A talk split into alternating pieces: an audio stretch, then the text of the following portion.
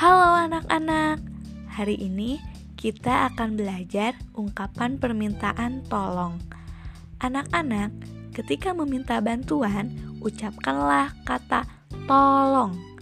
Nah, sikap yang harus dilakukan ketika meminta tolong adalah 1. Gunakan bahasa yang santun dan pakailah kata tolong untuk menyuruh seseorang.